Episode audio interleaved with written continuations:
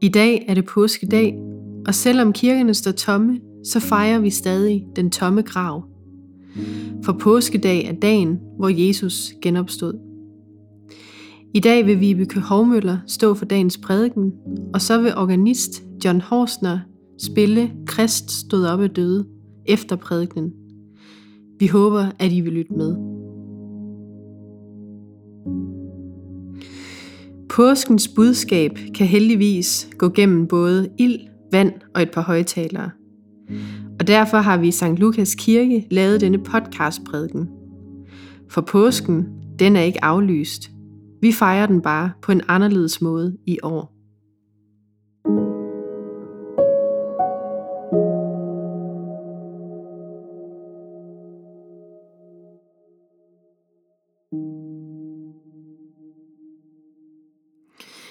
Den første læsning, du skal høre i dag, står i Salmernes bog. Luk retfærdighedens porte op.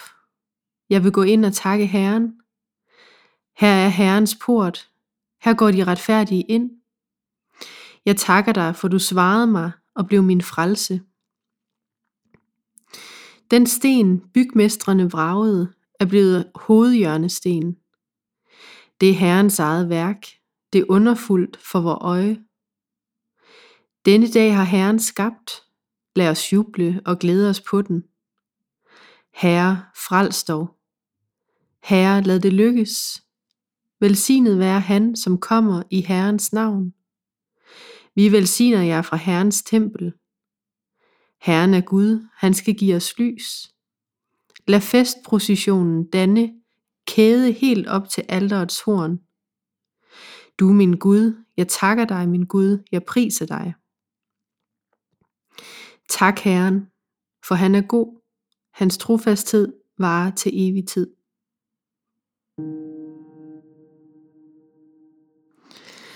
Den anden læsning, der hører til dagen, skriver apostlen Peter i sit første brev. Lovet være Gud, vor Herre Jesu Kristi Far, som i sin store barmhjertighed har genfødt os til et levende håb ved Jesu Kristi opstandelse fra de døde, til en uforgængelig og ukrænkelig og uvisnelig arv, der ligger gemt i himlene til jer, som er Guds magt ved troen bevares til en frelse, der holdes rede til at åbenbares i den sidste tid. Der skal I juble, skønt I nu en kort tid, hvis det skal være, må lide under prøvelser af mange slags, for at jeres tro, der er mere værd end det forgængelige guld, der dog prøves i ild, kan stå sin prøve og blive til pris og herlighed og ære, når Jesus Kristus åbenbares. Ham elsker I uden at have set ham. Ham tror I på nu uden at have set ham. Men I skal juble med en uudsigelig forklaret glæde, når I kommer frem til troens mål, jeres sjæles frelse. Den sidste læsning, du skal høre, står i Matteus evangeliet. Efter sabbaten, da det gryede af den første dag i ugen, kom Maria Magdalene og den anden Maria for at se til graven. Og se, der kom et kraftigt jordskæld. For Herrens engel steg ned fra himlen og trådte hen og væltede stenen fra og satte sig på den. Hans udseende var som lynild, og hans klæder hvide som sne. De, der holdt vagt, skælvede af frygt for ham og blev som døde. Men englen sagde til kvinderne, Frygt ikke. Jeg ved, at I søger efter Jesus, den korsfæstede. Han er ikke her. Han er opstået, som han har sagt. Kom og se stedet, hvor han lå. Og skynd jer hen og sig til hans disciple, at han er opstået fra de døde. Og se, han går i forvejen for jer til Galilea. Der skal I se ham. Nu har jeg sagt jer det. Og de skyndte sig bort fra graven med frygt og stor glæde og løb hen for at fortælle hans disciple det.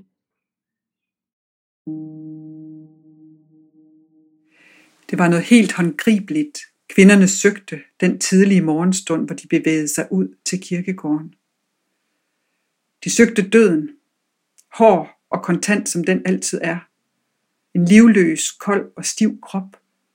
I en grav, der ikke lod sig flytte eller ignorere.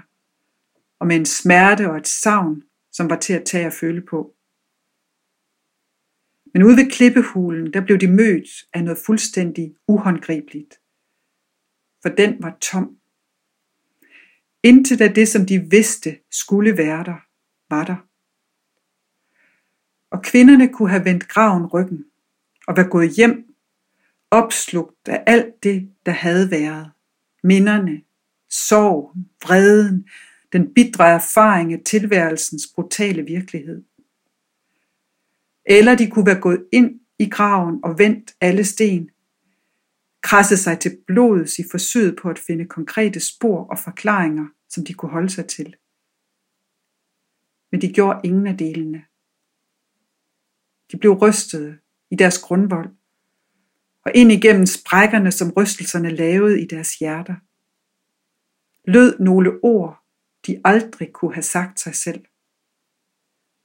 At graven var tom for død og bristede forhåbninger, men at den til gengæld var fyldt med liv og uforudsigelige muligheder. Ordene var umulige, ufattelige. De havde intet med den virkelighed at gøre, som de ellers kendte. Men de satte svingninger i gang dybt inde i dem, der spillede toner af håb og trøst frem. De havde søgt et håndgribeligt liv, men det de fandt var et uhåndgribeligt liv. Og det er opstandelse. En rystelse af alt det, vi mener at vide og have styr på. Et gennembrud af lys og fylde, der hvor alt synes mørkt og tomt. En spire af liv, hvor der kun er død. Et glimt af håb, hvor alt synes lukket og umuligt. Den tyske pianist og komponist Nils Fram, han har i disse coronadage udgivet nogle gamle vuggeviser, som han skrev for flere år siden. For som han siger, jeg håber, de vil hjælpe jer for at blive stærke og rolige i disse dage af ensomhed. På trods af vanskelighederne kan vi opdage uventet indadskuen og refleksion. Hvem ved, hvad det vil være godt for? Hans plade hedder Empty, tom, men som den tomme grav er den fyldt med forunderlige klange, der på uforklarlig vis stemmer til glæde. For opstandelsen er lige her, midt i vores liv. Selv midt i disse så mærkelige og vanskelige dage er der uhåndgribeligt liv, der tilflyder os. Når Venus hver aften stråler på nattehimlen med et lys, der kan gennemtrænge alt. Når vi hver for sig og alligevel sammen synger morgensang. Når et smil bryder frem midt i en flod af tårer. Når bånd knyttes gennem lukkede døre. Ja, opstandelsen er lige her. Glædelig påske til jer alle. Lov og tak og evig ære være dig, vor Gud, Fader, Søn og Helligånd, du som var, er og bliver en sand treenig Gud, højlovet fra første begyndelse, nu og i al evighed. Amen.